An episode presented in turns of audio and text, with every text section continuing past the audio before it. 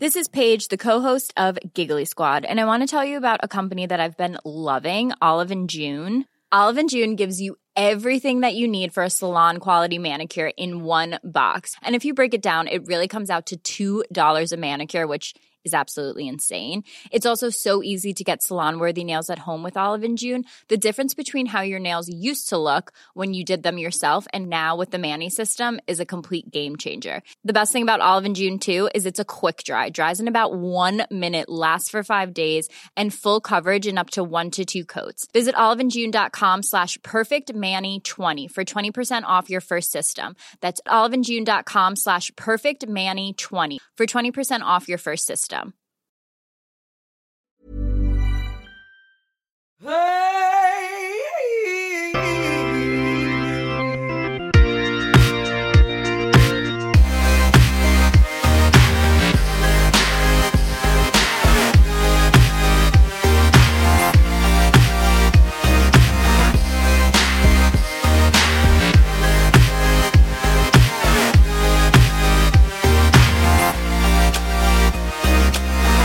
Nu är det äntligen fredag igen och det har blivit dags för Längs Fairway med Elina. Och som ni vet vid det här laget så är det jag som är Elina Rydberg. Jag ska börja dagens avsnitt med eh, några saker. Ett, Det är en galen katt här hemma. Så ifall det rasslar och sånt där i bakgrunden så är det min katt. Eh, hon är galen. Sen så ska jag göra några rättelser från det grabbarna sa i onsdags. Eh, för det var ett par saker där som eh, blev lite tokigt. Och vi ska börja med att eh, den insamlingen till Musikhjälpen ehm, den har startats av Mattias Dahlgren från Filipstad. Och det är liksom hans bössa. Svenska Discgolfförbundet var superfantastiska och delade denna i sina medier Eh, för att visa sitt stöd. Men det är alltså Mattias som har eh, dragit igång det här. Ehm, så det var rättelse nummer ett. Sen så sa Nicke att Sensei var Skellefteplast. Men det är det ju inte. Eh, utan det är alltså ett samarbete som Discmania har gjort med Kina. Så det var det. Med mig idag så har jag min fästman. Och jag tänker väl att vi utsätter honom för min lilla faktaruta. Eh, Namn och ålder. Claes Källstrand, 29 år. Vart bor du? Eh, Kristinehamn. Hur länge har du spelat? Jag kan nog säga seriöst i tre år. Tror jag. Vilken klubb spelar du för och har du en sponsor? Eh, Woodpeckers, Kristinehamn. Eh, osponsrad. Om det är någon som har några så Hojta till. hojta till. Eh, nuvarande rating? eh, 887 tror jag var, sen senaste uppdateringen. Mm. Och vilka är dina tre bästa diskar i backen? Eh, MVP, Limit, Entropy och eh, Streamline Pilot. Grymt! Varför då? Oj, Extra fråga. ja, de är bra att kasta. Eh, pålitliga, ska jag nog säga. Grymt! Tre pålitliga diskar. Tycker han skötte sig rätt bra här så jag tycker vi eh, hoppar vidare. Så, välkommen hit Claes! Tack, även fast vi är hemma hos oss själva. Men till min lilla hörna. Ja, är din hörna. Ja, det är sant. Ehm, jag tänkte att eh, de flesta vet ju vem jag är. Men det är ju inte allt för många som egentligen utanför vår region vet vem du är. Och vill man höra min eh, origin story så kan man göra det i eh, en av de tidigare poddarna som släpptes i maj som heter Ett riktigt förverkeri. Men jag tänker att vi ska grotta ner oss lite i din origin och vad som eh, fick dig att börja med discgolf. Oj. Jag vet att det finns, det är jättemånga år sedan nu, men första, allra, allra första gången jag spelade discgolf är på tror det är Stenungsunds discgolfbana. Mm. Eh, och jag tror även det finns en bild på det. När vi är ute med vår släkt som är alltså på från USA. Och ute och kastar. Eh, för att ja, min bror har kastat i många, många år. Och sen blev det en grej att ja, men vi kan åka iväg hela familjen och göra det här. Så det finns bild på allra, allra första rundan som jag spelade discgolf. Jag tror inte ens jag har sett den. Eh, Jag ska försöka leta upp den. Jag tror att eh, Lotta har den. Jaha, Eh, mammas kusin har den på sin Facebook någonstans. kul! Mm, så, men det är allra, allra första gången. Sen tror inte jag spelade någonting mer efter det. På många år sedan efteråt. Eh, och sen blev det för typ tre år sedan kanske. Så var det en av mina närmsta kompisar som hade börjat spela lite för skoj. Eh, det var inte ens på grund av min bror som drog med mig allra första gången. Utan det var en av mina andra kompisar som började spela. Eh, och ja, sen var det jättemånga av mina andra kompisar som sen också började. Så vi blev ett jättestort gäng som var ute på helgerna och spelade och efter jobbet på vardagar och sådär. Eh, och sen kände jag väl att det började väl gå ganska bra när man spelade och började tävla efter det. Så ja, sen har vi bara rullat på. Mm. Och glad är jag för det. Ja. Nej men alltså det gör ju jättemycket liksom det här att man har ett umgänge att spela med. ja, jag tror att det är, alla har typ samma story när det gäller att börja. Att ja, men det är någon kompis som börjar. Och sen har alla andra börjat spela också på olika nivåer liksom. Och sen var jag fast. Ja, men precis. Var fast. Och så satt man där med 30 diskar hemma. Två bägar. Ja. Jag tror alla kan återupprepa den här storyn oavsett vad man frågar. Jag tror Men alla gör det med ett leende. Så det är så himla bra. Ja, och det är den uppfattningen jag också har och det är det som gör liksom sporten så magisk på något sätt. Mm. Eh, Men eh, jag tänker att eh, initiativet till det här var ju för att Tommy och eh, Nicke fick den fantastiskt roliga idén att de ville ha eh, ett avsnitt där vi pratar som det discgolfande paret.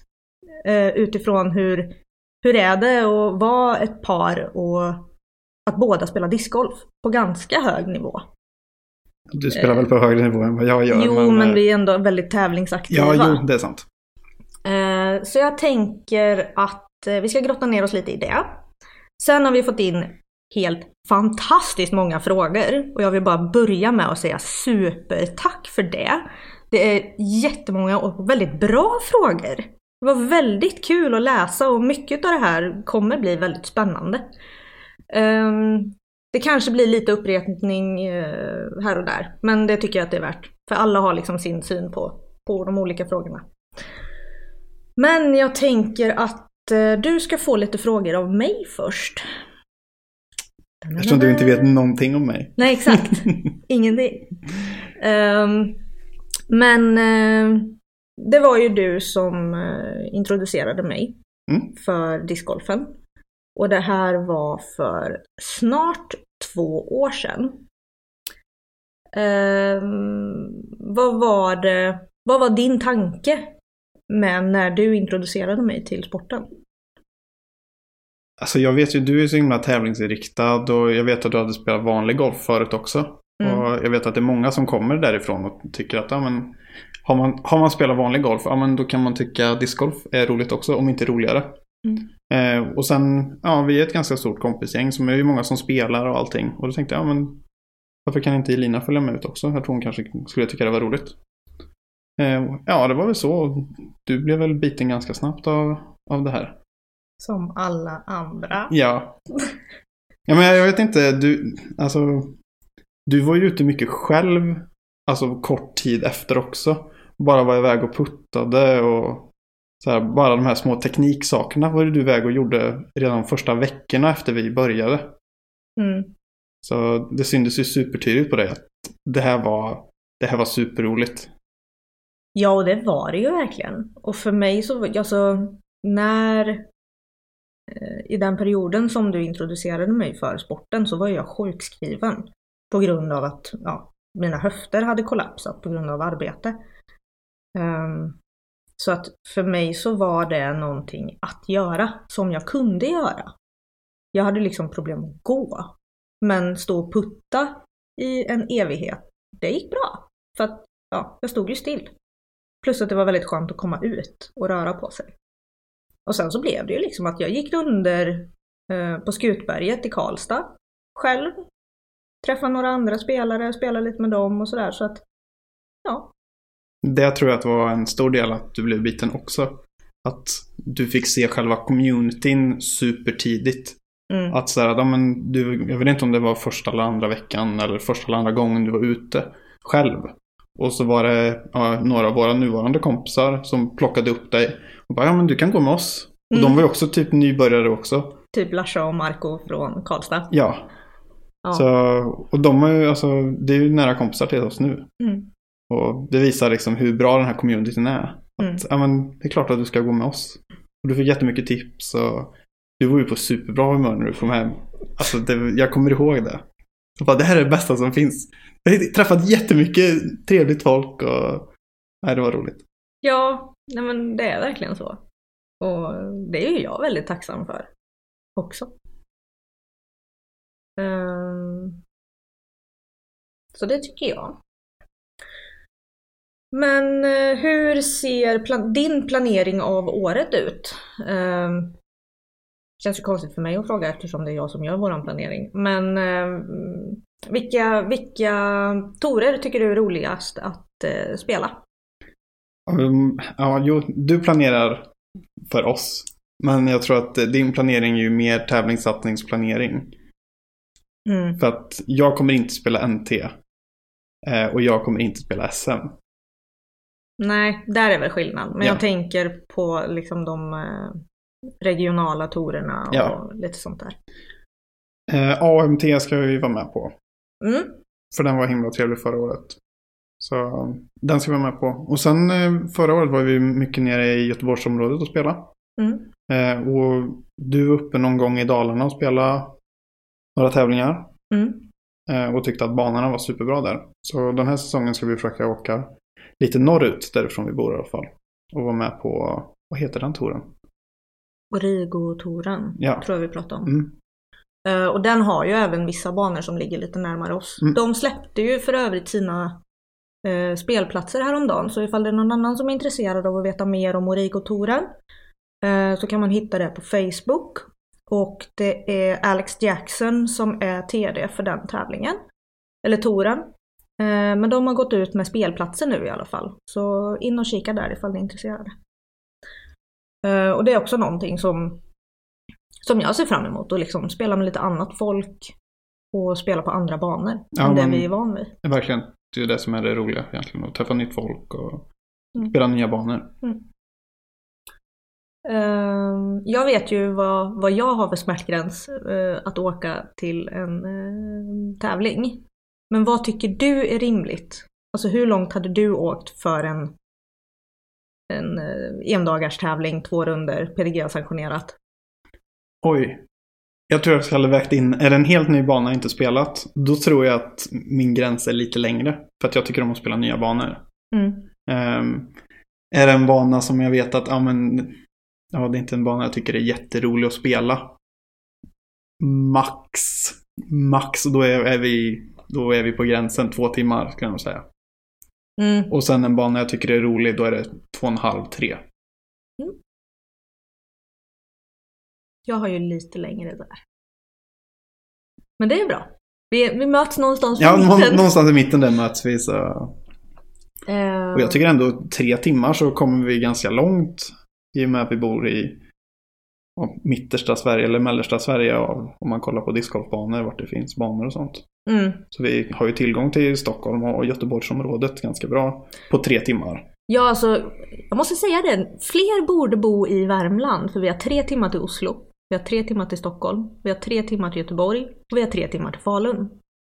Nio timmar till Umeå dock. Ja, det var kul. Men vi har gjort det i alla fall. Ja. Så är det. Um, på tal om Umeå. Uh, du ställer ju upp helt vansinnigt mycket för mina satsningar som jag gör. Vi nämnde lite om NT och om en SM i Umeå. Um, känner du någonsin att uh, din tid blir offrad för att jag tar så mycket plats. Nej, alltså i och med att vi delar det här intresset, även fast du satsar lite mer än mig, så skulle jag säga att nej, komprimerar inte riktigt, eller kompromissar inte med tiden på det sättet. Och när vi åkte till Umeå, då var jag, jag var väl den av oss som sa att okej, okay, vi åker bil upp. För jag vill åka bil upp.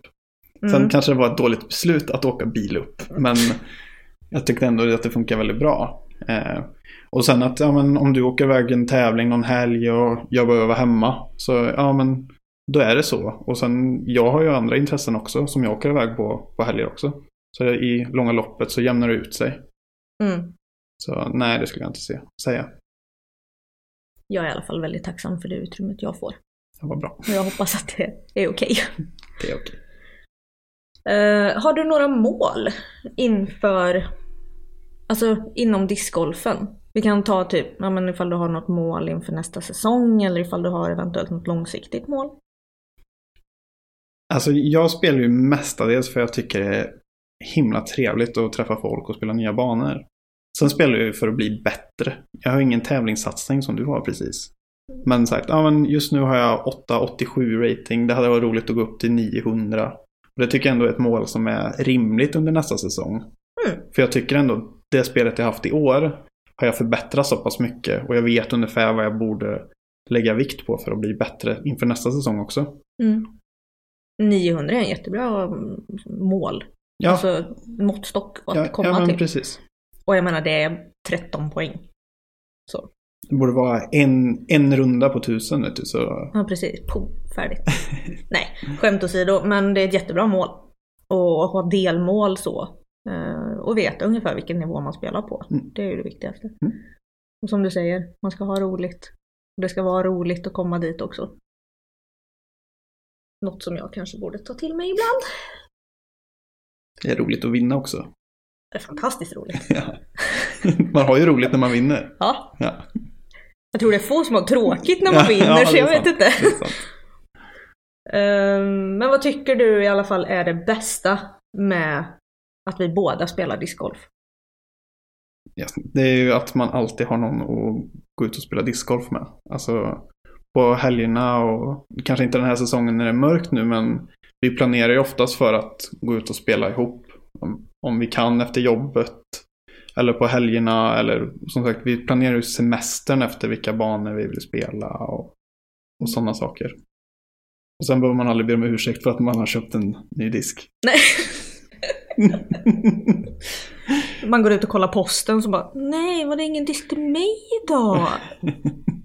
Ligger tre diskar i brevlådan. Fast just nu har det varit tvärtom. Jo, jag vet. Det är mest du som har fått nya diskar. Jag köper så galet mycket disk. Jag skäms nästan lite. Men det behöver du inte göra hemma vet du. Det Nej, kan vi båda spela. Det är perfekt. Ja. Det är drömmen. Om det är något relationship goal ni ska ha så är det att kunna köpa hur mycket disk ni vill. och köpa ett hus och planera för ett discgolfrum. Ja. Det kan vi se eh, från bilderna eh, från Viktor Jonsson och Sofie Hanssons discgolftempel. Det är lite, lite så här eh, målet vi vill uppnå med vårat discgolfrum. Vi får se hur det går med det. Men eh, det var mina frågor. Så eh, jag tycker väl att vi hoppar in i eh, lyssnarfrågorna. Det låter jättebra. Då ska vi se. Vi har som sagt fått in jättemycket frågor och det är jag så tacksam för. Supertack till er som engagerar sig och som faktiskt skickar in frågor till en sån här ja, plojgrej. Nej, det är det kanske inte, men eh, ja, när vi ändå bara ska sitta och prata med varandra hemma. Som vilken dag som helst. Typ. Um, men eh, vi eh, börjar med poddens egna Tommy Bäcke. Eh, och Tommy frågar Hur är det att leva med en partner som spelar discgolf när ni båda gör det? Hur ser prioriteringarna ut? Planering och träning tillsammans eller på varsitt håll? Vill du ta den här? Alltså jag tror att vårat, eh, alltså vårat förhållande ser ut som alla andras förhållanden i princip. Förutom att det är mycket mer diskar hemma. Ja. det är väl det. och sen som jag sa förut att vi, alltså med semester och helger och sånt så det planeras ut efter att spela discgolf. Ja. Vilket är himla trevligt. Alltså jag skulle nog säga att den största skillnaden för oss, där båda spelar discgolf, nu vet ju inte jag hur det ser ut för alla andra där en inte gör det. Men jag tror att vi har en större förståelse för att man vill ut och kasta. Mm. Och vi planerar utifrån att det är det vi vill göra. Jag menar, för oss så är egentligen allt annat så här, om en ut och festa eller eh, göra andra saker är liksom orelevant för oss. För att det vi tycker om att göra tillsammans är att spela discgolf. Ja. Och titta på discgolf och prata discgolf och sådär. Så, så att Netflix är utbytt mot Jomes i vårat hem. Ja. det var tidigt det. Ja, det hände väldigt tidigt kändes Ja. det som. Jag vet inte när vi tittade på en film tillsammans senast. Det gjorde vi faktiskt förra veckan. Gjorde vi det? Jag kommer dock inte längre ihåg vilken film det var vi såg. Jo, men vi kollade på Into Spider-Verse. Just det. Så var det. Den första filmen vi såg på in typ ett år tror jag.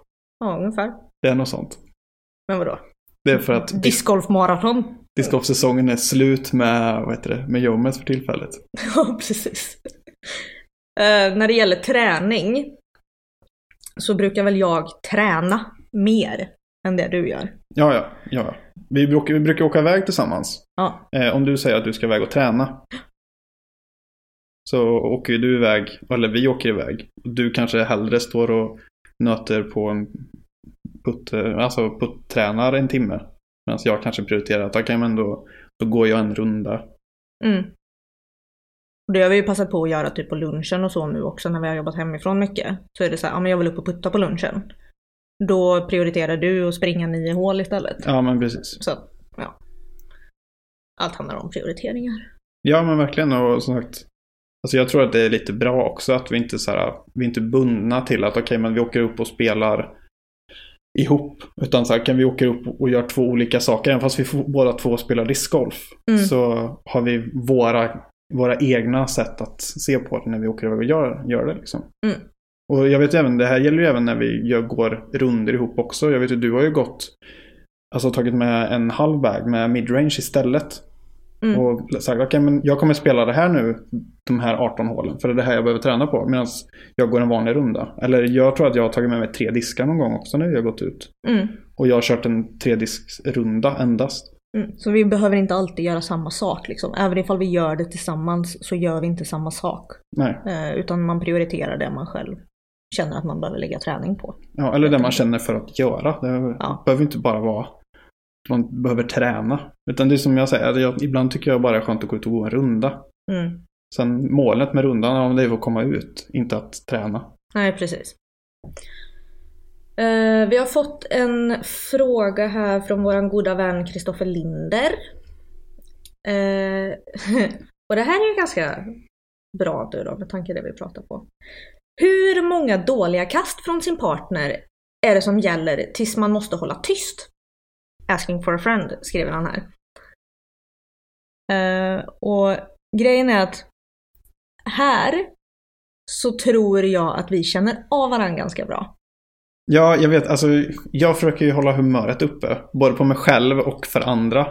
Men när det är mer ögonsvart än vita i dina ögon, då är det läge för att vara tyst. Ja, men det är det här, det här du säger med att man, man börjar känna av liksom stämningen och då, då lägger man av.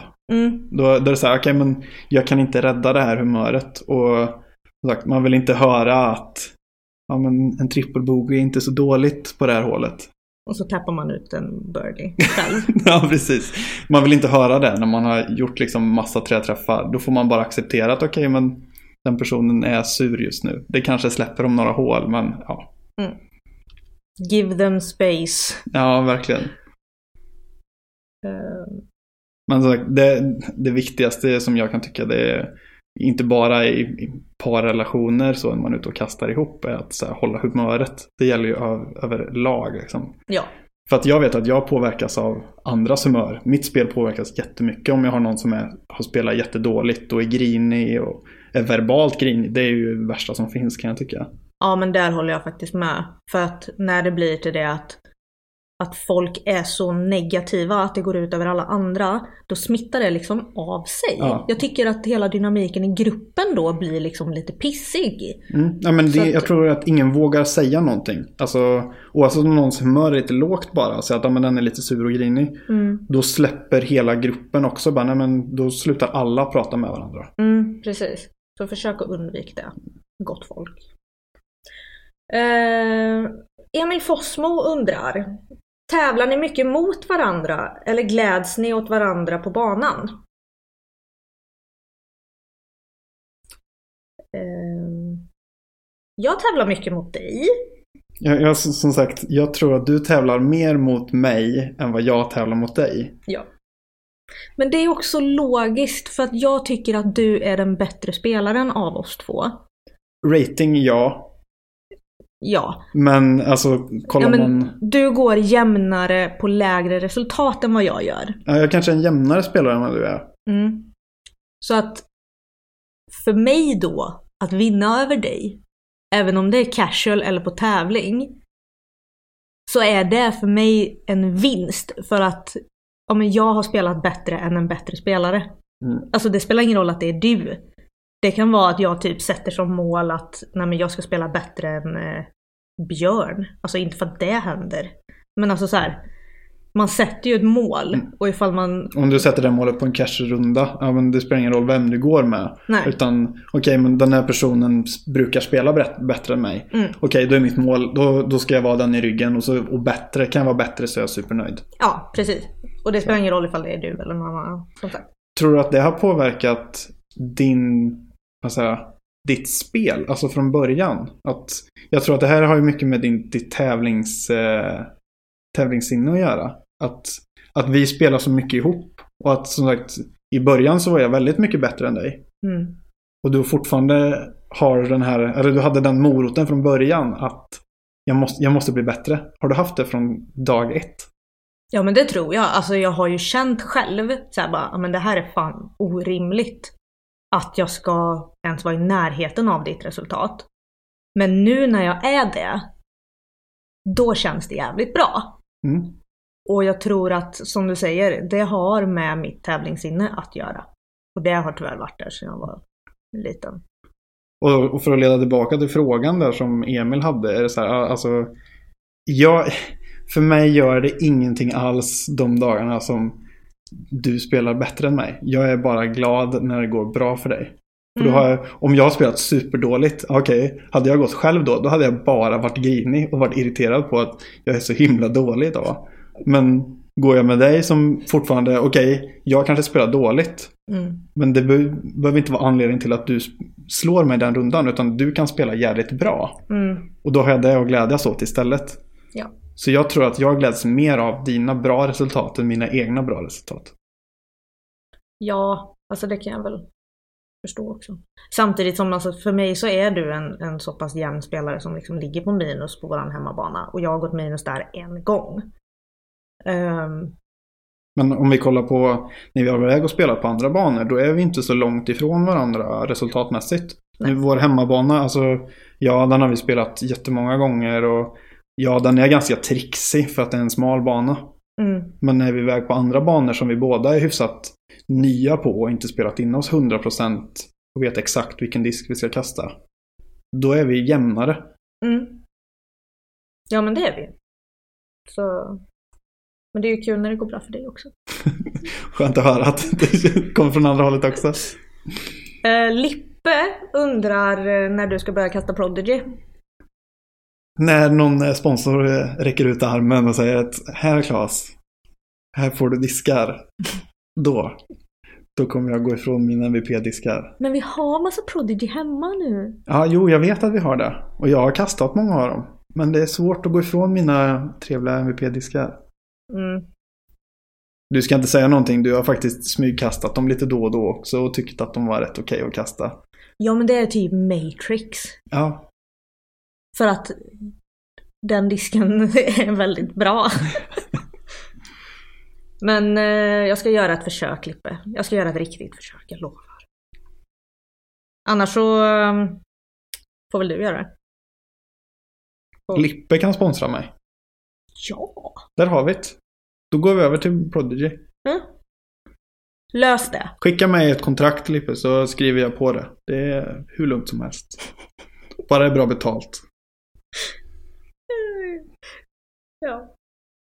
Uh, vi har fått en uh, fråga här uh, från faktiskt två personer som har typ samma fråga. Och jag tror jag vet lite vart den här frågan grundar sig för det är både Elin och Bea som ställer den här frågan. Och jag tror det här kan vara ett ganska vanligt, ja, vi kan kalla det problem. Eh, de undrar hur vi håller sams. På discgolfbanan eller överlag? Ja, ja, kanske främst på discgolfbanan. Eh, skulle jag nog säga. Ja. Inte för att vi bråkar. Nej, jag tänkte säga vi, vi har aldrig haft något att bråka om. Speciellt inte på discgolfbanan. Nej. Ehm, nej, men... ehm, Den här frågan diskuterade vi ju lite innan. Och, ja, och jag tyckte du sa något väldigt vettigt där. ja, men alltså jag tror att alltså, båda vi är så pass känslostyrda åt egentligen båda håll. För att vi känner av varann väldigt lätt. Alltså känner jag av att ja fast det är inte läge för mig att kommentera det här just nu. Då gör inte jag det och därav att det inte blir bråk från början. Eller ja, oense.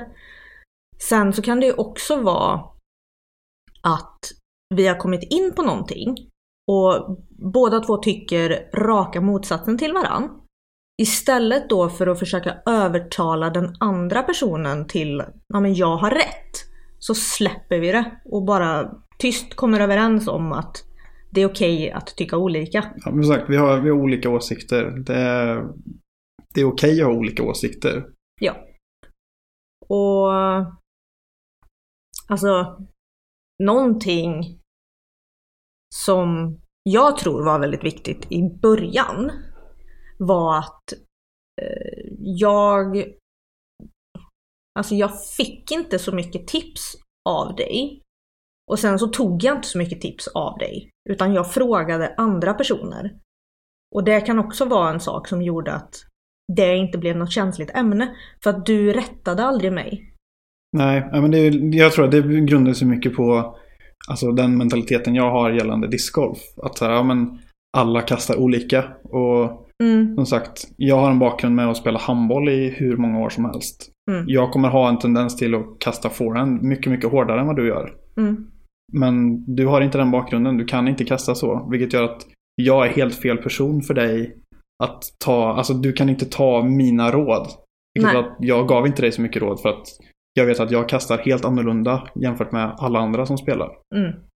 Så då var det ju lättare för mig att typ ja, men, fråga våra andra kompisar. Mm. Men vad gör du här? Och grejen är att jag bad om tips och råd. Det var inte så att folk la dem på mig hela tiden. Utan ville jag ha hjälp med någonting, då har jag bett om hjälp. Så det är nog mitt tips till många där ute som är par eller polare eller vad som helst.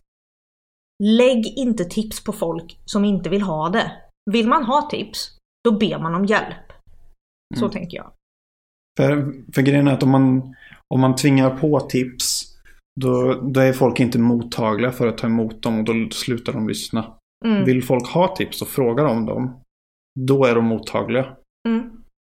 Och sen att man kanske ska, om man nu absolut måste ge ett råd eller tips eller så här. Tänk på hur ni säger det. Mm. Istället för att säga att eh, så här ska du inte göra. Nej, precis. Då blir det så här, ja men okej, berätta för mig hur jag ska göra då. Mm. Man får en lite attityd tillbaka. Det är Mm. ganska vanligt tror jag. Jämfört med att säga, har du tänkt på att du gör så här? Mm. Och ja men fine. Det kanske är det naturliga sättet för den personen att kasta. Mm. Och då, är det, ja, men då kanske man ska jobba runt det istället då. Eller inte runt det, jobba med det. Okej men du, du har en, vad heter det, jätte-heiser-release. Mm. Det här är det mest naturliga sättet för dig att kasta. Som du känner att du får ut mest kraft. Ja men då kanske man ska börja diskutera vilka diskar man ska ha istället. Mm. För att ja, man har jätteheiser, ja men om du ska kasta längre då, då måste du ha en väldigt understabil disk för att den ska gå alltså längre. Mm. Precis. Och jobba liksom med de förutsättningarna man har istället för att alla ska se likadana ut. För det gör man inte. Eh, och där är vi lite inne på eh, Mikael Lundins fråga. Eh, vad gav ni varandra för tips i början av er discgolfkarriär? Och grejen var att Claes har ju spelat längre än vad jag har. Så det var ju liksom naturligt att jag har tagit råd av de som har spelat längre såklart. Ehm, men jag tycker väl att vi svarade lite på den där samtidigt. Vi ger inte så mycket tips till varandra utan vi kan, vi kan ifrågasätta vissa saker som vi gör. Ja, jag, jag, jag, jag kan ju fråga frågor ibland. Liksom, men vad, vad tänkte du när du kastade här? Mm. Liksom, jag, jag kan även gå upp och kolla liksom, men, vart, när du stod och kastade någonstans ifrån. Och jag tyckte så okay, men varför kastade hon forehand här?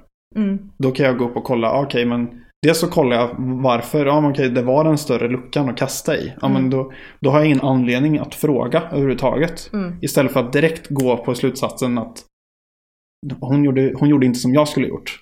Nej, Men hon kanske gjorde det av en anledning. Mm. Så man liksom förstår den delen också.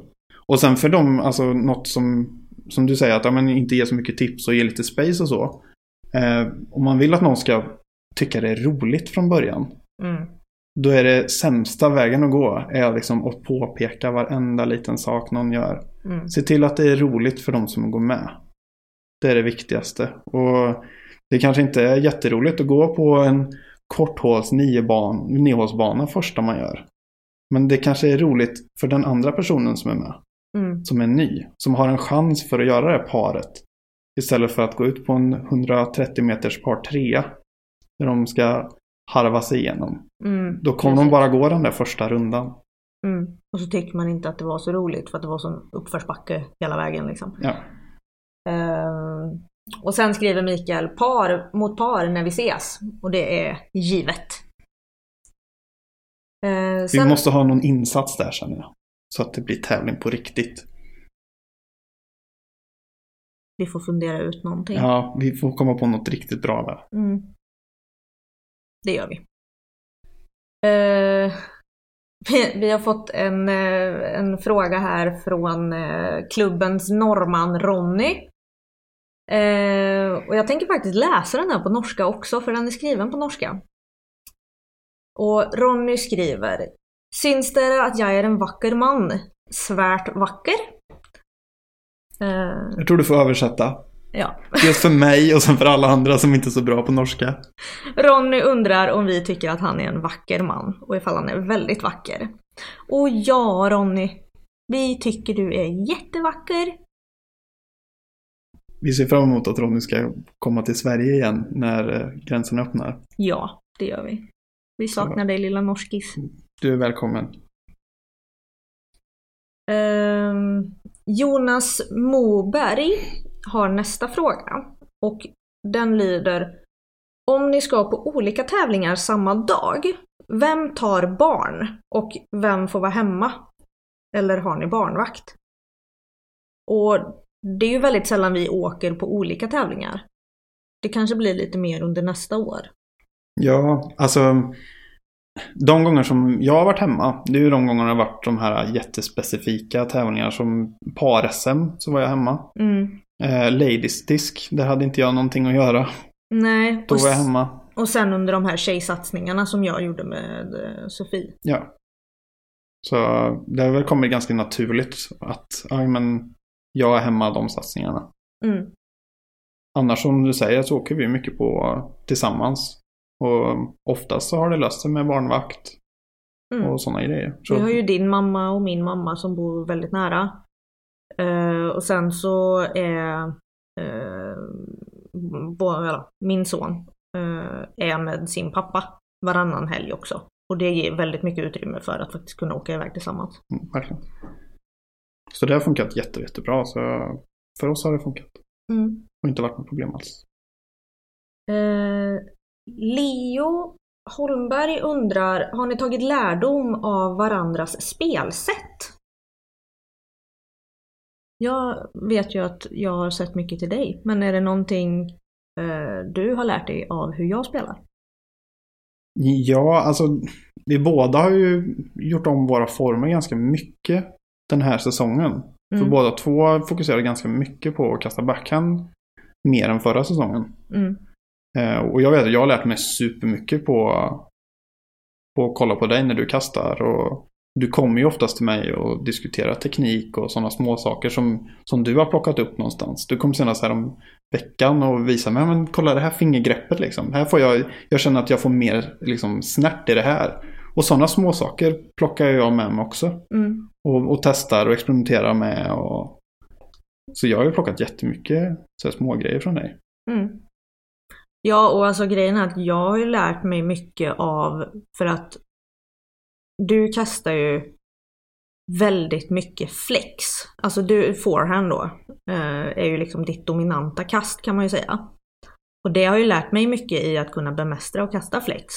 Jag vet ju nu att på egen hand så kommer jag behöva lära mig att kasta mer Anheuser forehand. Eh, det är ett av mina mål som jag ska försöka jobba lite mer på. Men Alltså just det här att det finns så många olika sätt att kasta forehand på. Det har jag lärt mig av dig. Just det här med att man kan faktiskt kasta en väldigt överstabil disk som en ganska liten tjej på en, alltså och lita mer på disken på en flexlinje. Det, ja, det är någonting som jag har lärt mig eh, väldigt mycket. Så jag tror att vi, vi plockar små tekniksaker av varandra hela tiden. Mm, Och det som jag tycker mest att man har plockat från varandra, det är när vi är iväg och tävlar. För jag vet att vi båda två diskuterar runderna. Och mycket så att, ja men hur tänkte du på de här hålen? mm, Det har jag lärt mig supermycket på. Och Oftast så ja, men då kan jag tänka i bakhuvudet när jag går liksom, ja men första rundan kanske gick lite dåligt eller så har vi gått träningsrundan ihop. mm, Och så spelar du lite annorlunda jämfört med vad jag hade tänkt. mm, Och så bara, ja men det där kanske är ett mycket säkrare spel att spela efter. mm. Och då plockar man mycket, inte bara små tekniksaker utan både liksom det mentala. Att okej men där kanske är bättre stället att lägga sig på. Även fast de är 20 meter kort. Så är det bättre Ja, placeringstest. liksom. för du har ett annat tankesätt gällande liksom approachen på hålet. Mm. Ja, det är också väldigt viktigt. Eh, Viktor Blomqvist har en fråga direkt till mig. Eh, och han vill veta var ser du din discgolfkarriär om fem år? Um, och alltså, som jag sa i det senaste fredagsavsnittet så är ju ett utav mina liksom, karriärsmål att jag vill bli bäst i Sverige. Om det är om fem år, det kan jag inte svara på um, faktiskt. Men jag hoppas väl att det är det. Um, annars så hoppas jag att jag har hunnit tävla utomlands och kanske faktiskt till och med gjort en tripp till USA för att tävla. Så det är väl några mål jag har inom en femårsperiod. Eh, våran trogna hackspett Johan Wilhelm undrar vem har flest diskar? Och vem lånar mest av den andra? Det här är en sån här fråga som vi borde räkna ner. Och sen säger vi vem som har mest diskar samtidigt. Okej. Och ge vem som... Eh, Ja, alltså grejen är att vem som lånar mest Just nu så lånar vi ju inte alls av varandra i och med att vi har gått över till att kasta olika märken. ja. Men förut så kastade vi ju faktiskt samma märke ett tag. Mm. Och Då var jag väldigt ofta och rotade i dina Ja, lådor. jo. Och du har ju faktiskt fått ärva Alltså du fick ju plocka exakt vad du ville ur mina diskar. Ja, jag, har ju, Som jag, har ju jag har ju norpat åt mig några av dem. Mm. Varav en av dem är den piloten som jag har att kasta med. Mm, Som är en av mina absolut favoritdiskar. exakt. Så att eh, jag skulle säga fördel Klas här. Men eh, vi ska se då. Vem har flest diskar? Man säger namn va? Inte du eller jag. Eh, vi säger namn Ja. och sen är det ett, två, tre där. Mm. Ett, två, tre. Klas! Skönt att vi är eniga i alla fall. Men det här är ju lite också för att du har ärvt så mycket diskar Ja, av mig. Jo, det är sant. Ehm, och sen har vi... Men det, det går ju ändå emot att du sa att du beställer väldigt mycket diskar. Ja, men jag säljer mycket diskar Ja, det är sant. Det är sant. Då kan man justify att köpa. Som sagt, vi gick ju igenom lite diskar idag faktiskt. Och jag såg ju att, okej, dina tre lådor versus mina fyra lådor. Jag har också fyra lådor. Men jag har inte Har du fyra... gömt en låda? Nej men det står fyra lådor. Men jag har inte fyra knökfulla lådor. Ah, okej, ja. Det har du. ja. Plus att vi har väldigt mycket diskar vi hade på väggen förut. Mm. Och där är typ på riktigt 90% av dem Klas-diskar. Så Klas har flest diskar. Det är väldigt mycket fina diskar också. Mm, det har du faktiskt. Eh, Niklas Griffiths undrar, hur får man Klas 120 meter uphill forehand-arm? Ja, träning, träning, träning. Jag kan ge Niklas mitt eh, träningsschema för att eh, få den här armen. Det är tio år som eh, handbollsmålvakt. Så det är inte för sent än Niklas. Det är bara gå upp och börja träna handboll och kasta handbollar över handbollsplanen hela dagarna. Mm. Easy peasy. Det är så jag har fått den i alla fall. Sen är det väl teknik antar jag bakom. Vi Mm. kan eh, höra av dig Niklas så kan vi försöka köra en eh, lektion. Det låter bra. Det, men, nej, det får inte han göra. Han kastar redan så inåt bängen långt. Ja, jag vet, han gör ju det.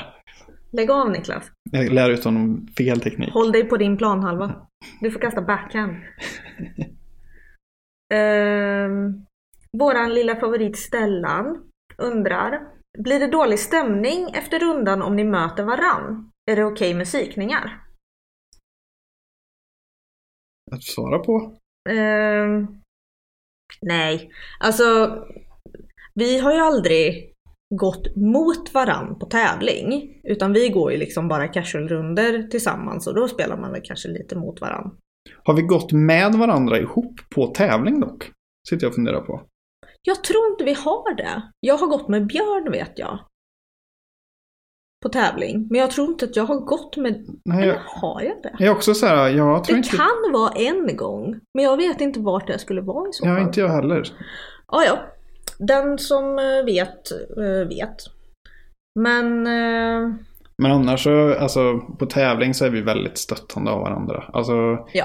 som sagt, det kan, jag, den jargongen vi har i vårt kompiskrets när vi är ute och spelar cash-runder, där kan det komma lite gliringar och, och sådana små grejer. Mm, Men eftersom vi båda är väldigt tävlingsinriktade och speciellt när vi är iväg och tävlar, mm, då är det verkligen då är det tävling 100% och det är pusha varandra då Mm. till det bästa resultatet. Och kan man se, för jag håller alltid koll på skåren. Och ifall jag kan se att Claes har en dålig runda, eller att han typ har gjort ett dåligt hål eller sådär. Då kan jag skicka typ såhär cut memes eller sånt där bara för att jag vill försöka muntra upp istället. Så, Jag vet inte, jag är lite åt båda hållen där. Att jag kan skicka, alltså försöka skicka ett meddelande någonting och försöka pusha om jag ser att, alltså, att det går dåligt. Men jag vet inte om det är uppskattat eller inte. För jag vet ju själv att ja, men, jag kanske inte kollar på telefonen lika mycket under en runda och sådär. mm. Jag blir ju ofta när det går dåligt så börjar jag kolla i telefonen för att jag behöver koppla bort Mm. rundan liksom. Det vet jag lite om att du gör också. Vilket gör att Mm. ja, men då försöker jag skicka något slags pushande. Liksom, att Mm, ett hål i taget, ett kast i taget, spela för paret. mm. Liksom, de här Fast alltså där vill jag hellre att du bara skickar en katt. Okej. Jag, jag ska ta till mig det. Inte så här spela för par bara. Men det är det jag gör! det går bara åt helskotta. Skicka en kattmeme så jag är glad sen. Ja. eh, Albin Hagström eh, skriver Började ni spela discgolf tillsammans eller var det någon av er som började innan ni träffades? Och det har vi egentligen svarat på. Eh, Det var Klas som började spela och det var Klas som introducerade mig till spelet efter vi hade träffats eh, typ fyra månader. Ja, någonting sånt. Typ. Sen gick det väldigt fort innan du började tävla också. Ja, det tog ju bara en månad. Ja, så, och då blev det ju ganska naturligt att vi båda spelade i, tillsammans Mm. väldigt, väldigt mycket. Så att så var det med det. Eh, ska vi se, sen så har det dykt in lite sena frågor. Kristoffer Linder tillbaka här igen. Eh, hur pampigt blir bröllopet? Och eh, ja, det blir en fest det. Blir en herredundrans till fest. Så vi får se när det blir av. Det blir inget eh, discgolf-tema på bröllop i alla fall. Nej, jag vet du sa nej till det. Ja, ganska tidigt sa jag nej till det. Jag tyckte att det var en superbra idé att ha en korg och lite putters framme så att folk liksom kunde ta del av det vi älskar mycket. Men nej, det fick jag inte. Det var även diskuterat, eller du föreslog att vi skulle gifta oss på discgolfbanan också. Jag tycker det var en skitbra idé. Ja. ja. Det gick, inte- det gick inte hem. Nej, Eh, man får mötas någonstans också. Ja, precis. Jag tyckte så, du tyckte inte så. Så att vi kompromissade och så blev det inte så. Precis. Vad bra. Eh, vem är den bästa vinnaren och vem är den sämsta förloraren? Hälsning anonym Stig-Helmer-kopia från Grythyttan. Ja. Jag vet vem som är den bästa vinnaren i alla fall. Jag tror du vet vem som är den sämsta förloraren också. Ja. Och det är inte samma person. jo, det är det. Jag är, du är den bättre vinnaren av oss två. Jag blir så usch. Om jag vinner, då är det enda man hör i typ 30 minuter efter det. Jag är en dålig vinnare. Du är en bättre vinnare än Ja, vad jag är. Ja. Jag är däremot en jävligt dålig förlorare. ja, du är fruktansvärt dålig på att förlora. Fyttikatten. Fast jag tycker det är lite charmigt ändå. Ja. Fast jag är inte arg så länge. Nej, det är väldigt bra, för då är det väldigt roligt att vinna över det också. Ja. Tack. Nej, alltså. Jag ska säga att jag är en rättvis förlorare. Jag klarar inte av om jag tycker att det har varit orättvist under rundan eller matchen eller vad det nu är. Men har jag förlorat för att jag har spelat dåligt, då är jag mer besviken på min prestation än att jag har förlorat. Så skulle jag nog faktiskt vilja. Jag, tycker det, jag tyckte det var en väldigt bra förklaring. Faktiskt. Det är väldigt tur att du tycker så också. Ja. Eh, vi har kommit fram till den sista frågan. Den är från Tommy Bäcke. Han skickade den typ en minut innan vi skulle börja podda så jag bara, ja okej, jag tar med den också då. Fast jag tycker det är en väldigt bra fråga. Det är en superbra fråga och det är en superbra fråga att gå ut på eh, som sista fråga. Tommy undrar. Vem vinner en nine hole bag swap på hemmabanan? Klas eller Elina? Och det här är lite roligt för att Jag kan svaret på den här frågan. Ja, men grejen är att innan du svarar så har vi nämligen tänkt att göra en YouTube-video på det här. Och i inlägget på Instagram nu, eh, som det här avsnittet kommer upp, kommentera där vem ni tror vinner den här niohåls eh, bagbytes eh, tävlingen. Så ska vi lotta ut ett pris. Vi kommer utav de som har gissat rätt så kommer vi dra en vinnare och så kommer vi lotta ut ett semifint pris. Eh, ska vi säga vad vi tror? Ja, ja det kan vi göra. Ja. Vad, vad, vad tror du? Alltså jag har ju fördel av att jag kan dina diskar.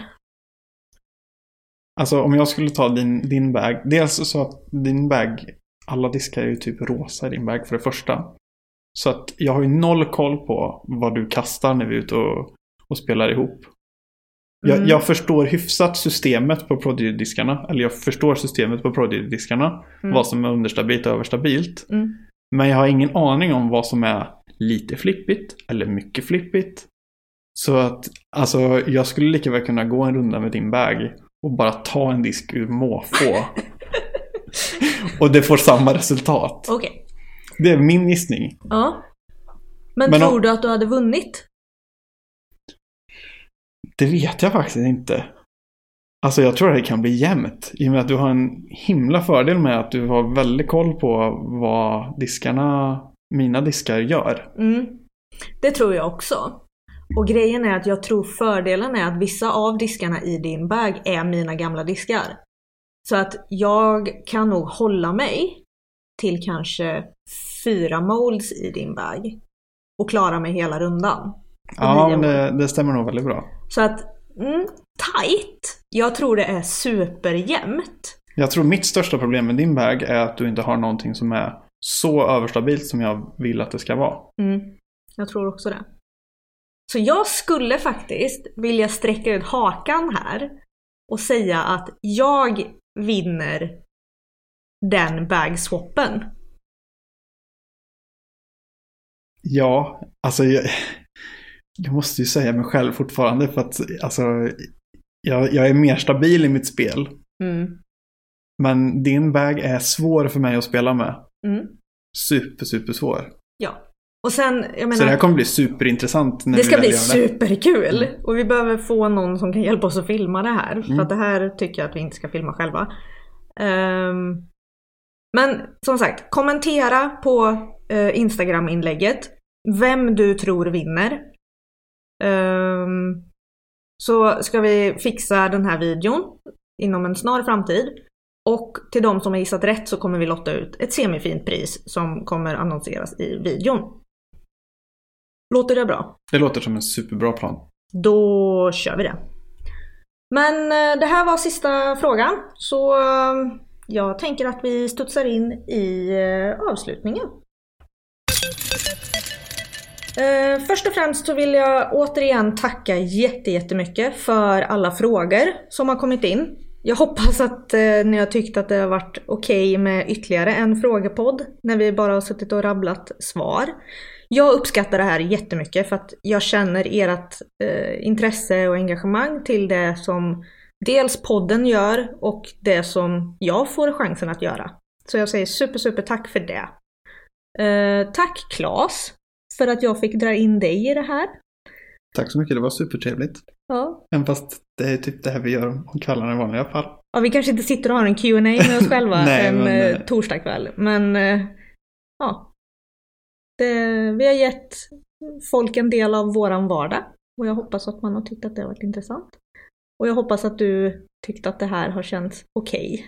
Ja, jag var jättenervös innan. Men, Ja, det var eh, du. men jag tycker det har gått jättebra. Det var superroligt faktiskt. Ja, kul. Ehm, ja, det var en liten inblick i vårat liv som ett discgolfande par. Och supertack till alla ni som har lyssnat. Följ podden på sociala medier, Instagram och Facebook, att kedja ut. Jag heter Elina och finns på Instagram under att Elina Rydberg. Min kära fästman är extremt dålig på att använda sin Instagram eh, och är typ aldrig där. Får man inkräkta ändå? Det kanske ger en morot till att faktiskt använda sociala medier. Sant. Ni kan följa Klas på @wellbeach eh, på Instagram. Och ja, det är lite bilder på coola bilar och Ja, allmänt. allmänt. Det kommer bli lite mer efter nyår förhoppningsvis. Ja.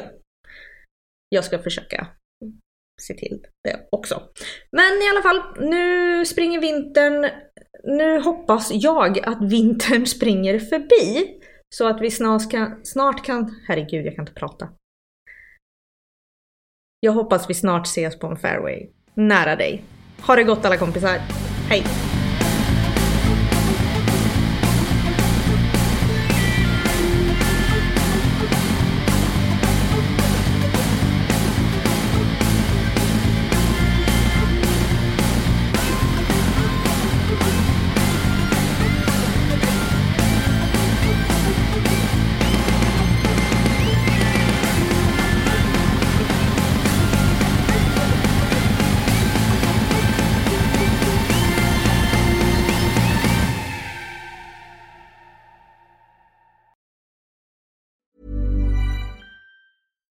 Flexibility is great. That's why there's yoga. Flexibility for your insurance coverage is great too. That's why there's United Healthcare Insurance Plans.